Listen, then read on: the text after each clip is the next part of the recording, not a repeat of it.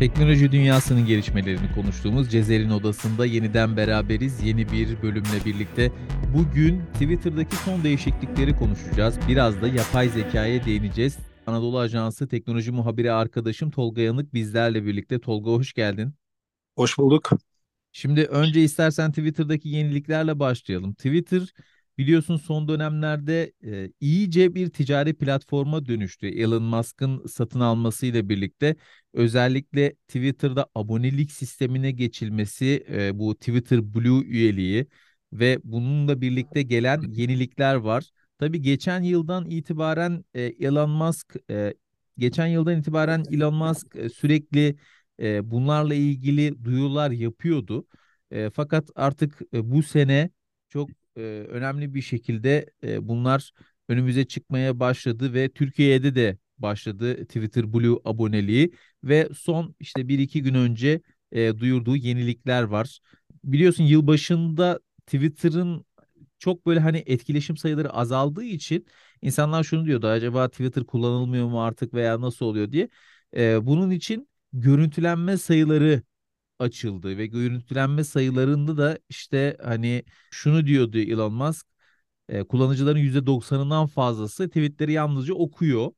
E, yani platformun içinde varlar, canlılar e, beğenip yorum yapmıyorlar ve bunun için e, Twitter'ın ne kadar canlı bir platform olduğunu göstermek için işte görüntülenme sayısını e, açmıştı e, Elon Musk. Şimdi de e, 15 Nisan tarihinden itibaren Twitter anketlerinde sadece doğrulanmış hesapların oy kullanabileceğini e, açıkladı. E, ve burada da Twitter Blue aboneleriyle sınırlanacağı açıklanmıştı. E, ne diyorsun? Twitter ne tarafa doğru gidiyor? Nasıl bir yeni dönem? E, çünkü biz bunu sizinle, senle, Kadir de e, şimdi onu da analım. Kadir'le beraber çok konuşmuştuk. E, Twitter'da yenilikler olacak, e, neler olacak işte bununla ilgili. Musk döneminde daha ticari faaliyetlere odaklanan, daha gelir odaklı bir Twitter görüyoruz. Sen ne düşünüyorsun? Biz daha önce belirttiğin gibi bu konuyu konuşmuştuk. Aslında şöyle, Elon Musk Twitter'ı satın almadan önce Twitter'ın çok önemli bir parçasıydı. Yani milyonlarca takipçisi vardı ve insanları böyle güldüren şakalar yapıyordu. İşte çeşitli kripto para paylaşımları yapıyordu ve bir gün çıktı Twitter'ı satın alacağım dedi. Ee, tabii çoğu insan şaşırdı. Yani uzaya roket fırlatan bir insan neden Twitter'ı satın alıyor? Elon Musk şöyle dedi. Dedi ki ben bu satın almayı para kazanmak için yapmıyorum. Sadece insanlığa yardım etmek için, işte platformu e, daha iyi hale getirmek için yapıyorum. E, burası birçok insanın fikrinin belirttiği bir yer dedi. E, fakat bu açıklamada şu ifadeyi de kullanmıştı. Demişti ki alaka düzeyi düşük reklamlar spamdir. Ancak alaka düzeyi yüksek reklamlar aslında içeriktir dedi ve Twitter'ı dünyanın en saygın reklam platformu yapmayı hedeflediğini belirtti. Aslında bu çok kilit bir cümle ve adım adım geçtiğimiz yılın Ekim ayından itibaren satın almanın gerçekleştiği aydan itibaren bu 5-6 aylık süreçte yaşanan değişimleri hepimiz görüyoruz. E, Twitter 2.0 olarak nitelendiriliyor bu durum. Çünkü şimdi bu Twitter Blue ayda 8 dolar e, ücretle e, kullanıcıların üye yapıldığı bir platform oluşturuldu. Hatta Elon Musk ilk başta bunu 20 dolara olarak duyurmuştu. Çok tepki çekti. Sonra 8 dolara düşürdü. Şimdi e, platform gitgide senin de ifade ettiğin gibi ticarileşiyor. Bu çok net bir şekilde gözüküyor. Şu anda kaç dolar e, ücret? Şu anda 8 dolar ama şöyle bir durum var. Mesela Türkiye'deki fiyat 209 TL miydi? Yanlış hatırlamıyorsun. E, Türkiye'deki fiyat e, aylık 150 lira. E, ha, 150 eğer yıllık abonelik yaparsan da 1569,99 lira o zaman e, diye hatırlıyorum. Yani Anladım. 130 liraya düşüyor ortalama. Anladım. Yani uluslararası anlamda tabii duyurularda 8 dolar diyorlar. Fakat ülkelerin yerel kurlarıyla değişiklik gösterebiliyor. Evet bu ama iOS uygulamasından alındığında e, hmm. Twitter Blue diğer türlü alındığında aylık 209 yıllıkta 2199 lira gibi bir fiyat farklılığı Anladım. var. Orada da herhalde iOS'la ilgili bir e, anlaşması var diye. Şimdi sen güzel bir noktaya değindin. E, şimdi bazı değişiklikler oluyor özellikle ticari platform manasında ama şunu da gözden kaçırmamak lazım. Twitter'da e, Elon Musk geldikten sonra satın alma yaptıktan sonra bunu geçen haftalarda da konuşmuştuk. bir farklılık var artık. E, sana özel diye bir kısım var ve öbür tarafta da e, aslında takip ettiğin kişileri görebiliyorsun. Burada Evet. sana özel kısmında e, çok farklı içerikler görüyorsun. Ya bu nedir? Bunun nasıl bir sistem kurdular ki böyle bir e, şey oldu? Yani açıkçası bu ben de dahil olmak üzere herkesten yoğun eleştiri alıyor. Bugün Financial Times'ta bir yazı okudum. Ee, çok ciddi bir şekilde eleştirilmiş bu sistem. Çünkü bu sistem aslında Instagram'ın işte o keşfet dediğimiz, önümüze kendimizin seçmediği çeşitli algoritmalarla düşen içeriklerden bahsediyoruz. Twitter şu anda akışını ikiye ayırmış durumda. İşte sana özel kısmı bir de sadece takip ettiğin kullanıcıların içerikleri gözüküyor. Bu sana özel kısmı tamamen Twitter tarafından oluşturulan içeriklerden meydana geliyor. E tabii ki burada Twitter Blue ile bir ilişkiyi de görüyoruz. Çünkü yapılan duyuruya göre Twitter Blue sahiplerinin paylaşımları bu sana özel kısmında kullanıcılara daha fazla gösterilecek. Bunun yanı sıra Twitter Blue'ya sahip kullanıcılar daha az reklam görecek. Bu sana özel kısmı evet yani Twitter'daki değişimin çok net bir yansıması olduğunu rahatlıkla söyleyebiliriz. Şimdi bu sana özel kısmında e, evet daha çok görünecek dedin. Ben bunu şöyle okuyorum biraz. Burada şimdi Twitter kullanıcıları özellikle Blue kullanıcılarından bahsediyorum daha doğrusu. E, Twitter Blue aboneleri daha çok görünecek. E, bu demektir ki Elon Musk ilk başta hani biliyorsun demişti ki fake hesapları şunları bunları hepsini sileceğim Evet. kaldıracağım demişti. Ama bu belki de Twitter'daki e, hacmin çok düşeceği veya kullanıcı sayısının çok düşeceği ve bununla alakalı e, rakamlardaki değişikliklerin reklam pazarında olumsuz etki oluşturacağını düşünerek böyle bir pasivize etme yöntemine gidiyor olabilir mi? Ben böyle okuyorum sanki. Yani evet yani sonuçta Twitter Blue aslında bu sana özel tamamen işte o reklam platformu yapma hedefine hizmet ettiğini net bir şekilde söyleyebiliriz. Yani burada şimdi şöyle bir şey de var. Ee, Mavi Tik biliyorsun. Ya Elon Musk şöyle dedi ilk başta Twitter'ı satın almaktan bir ara vazgeçti. Dedi Evet. ki burada çok fazla bo işte bot var, sahte hesap var. Ben Twitter'ı almıyorum dedi. E Fiyat sonra kırmaya masa, çalıştı daha e, doğrusu fiyat bununla. kırmaya çalıştı. Evet onu kullandı. E sonra Twitter'ı satın aldı. E geçen 5-6 ay içinde e biz de bir Twitter kullanıcısıyız. Açıkçası ben e, sahte hesap noktasında ve yanıltıcı işte bu botların oluşturduğu içerikler noktasında bir azalma olduğunu düşünmüyorum. Evet ben Sen düşünüyor musun? Yani böyle bir majör bir değişikliği ben fark edemedim. Ama Fark dediğim gibi değişiklik. pasivize etme konusu durumu olabilir mi? Diyor ki ya şimdi artık anketlerde oy kullanamayacaklar. Bu ne Evet, demek? İşte anket fake hesapla tabii e, şey yapamayacaksın. Yani tabii. bir kullanıcı, bireysel kullanıcı e, bu ankette oy kullanacak. Anketlerde yanıltıcılık oranını biraz düşürmeye çalışıyor burada. 15 Nisan'dan sonra geçerli olacak. E, özellikle şimdi hani Türkiye'de seçime gidiyor ve e, bununla ilgili işte uluslararası anlamda da e, birçok şeyde ama şu şu her zaman gerçek yani takipçilerinin de şeyini ölçüyorsun, e, görüşlerini ölçüyorsun. Toplam bir şeyin Evet. görüşünü ölçmüyorsun. Ne Tabii çok hangi anketi sınırlı. yaparsan yap yani. Tabii çok sınırlı. Yani sizin sonuçta takipçi kitlenizin de bir sosyolojik profili var. Evet. Ve o profil size çok kısıtlı bir kesitten bir sonuç veriyor. Ama aslında tabii ki bu güzel bir adım aslında. Ee, ama sonuçta bunu ticari bir e, şeye bağlanması kötü bir şey. Yani 8 dolar verdiği için ankette oy kullanmak yerine e, örneğin mesela cep telefonuyla veya kimlik bilgileriyle onaylanan kullanıcıların oy kullanması bence daha güzel olurdu. Ama Ama tabii Blue'da da şöyle Musk bir değişik e, bir mesele var. Ben gördüm yani çok böyle e, bazı fake değil de ne derler onun adı? Troll hesap diyebileceğim. ismi ve e, şeyi belli olmayan yani tabii, ismi çok farklı işte bir kullanıcı adı koymuş ve hani profil fotoğrafı da gerçek bir insan e, profil fotoğrafı değil ama mavi tiki var. evet böyle Böyle ben ben de böyle böyle hesaplar çok da çok hesaplar. fazla var. Kesinlikle. Ya, Ya ya burada işte şeyi kaldırmıyor. Hani gerçek insanlar, gerçek kullanıcılar meselesini e, şey yapmıyor. Yani isminle cisminle değil, ismin daha doğrusu şöyle deyip isminle değil cisminle olabilirsin diyor.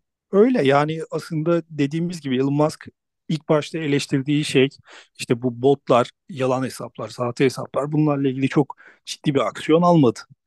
Ve platform gitgide ticarileşiyor. Bu sadece e, bireysel kullanıcı tarafında değil, e, kurumsal anlamda da biliyorsunuz Twitter çok yoğun kullanılıyor.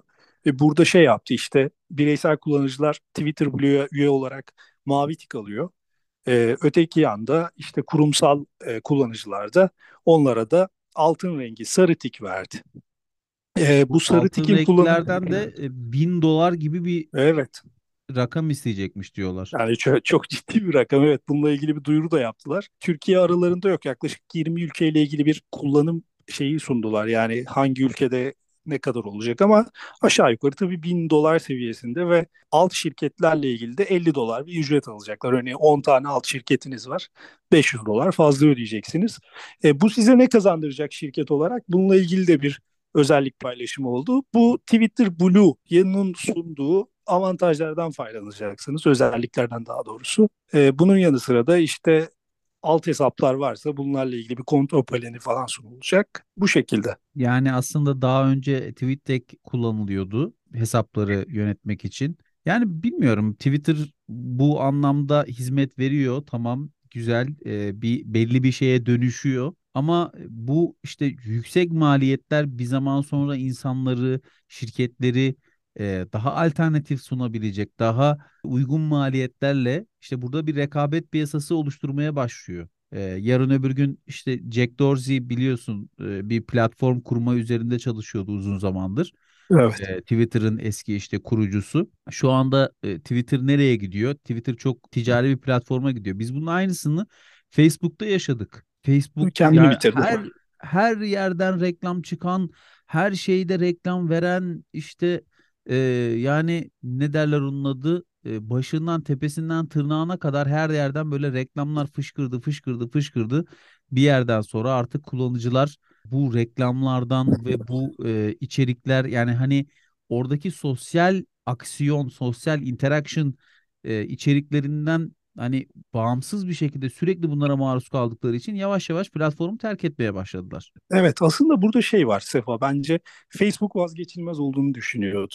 Ve ne yaparsam yapayım kullanıcılar beni kullanacak e, düşüncesiyle Twitter'da da şu an aynısı bu... var. Ha, Twitter'da da aynısı var. Şu anda Elon Musk e, hali hazırdaki kullanıcı sayısına güveniyor belki. Twitter'dan vazgeçemezler diyor. Alternatif bir platform yok diyor ama teknoloji öyle bir şey ki bir haftada hatta bir günde her şey değişebilir yani. Evet. Çünkü geçmiş olabilir. yıllara baktığımız zaman ne platformlar vardı artık isimleri bile anılmıyor.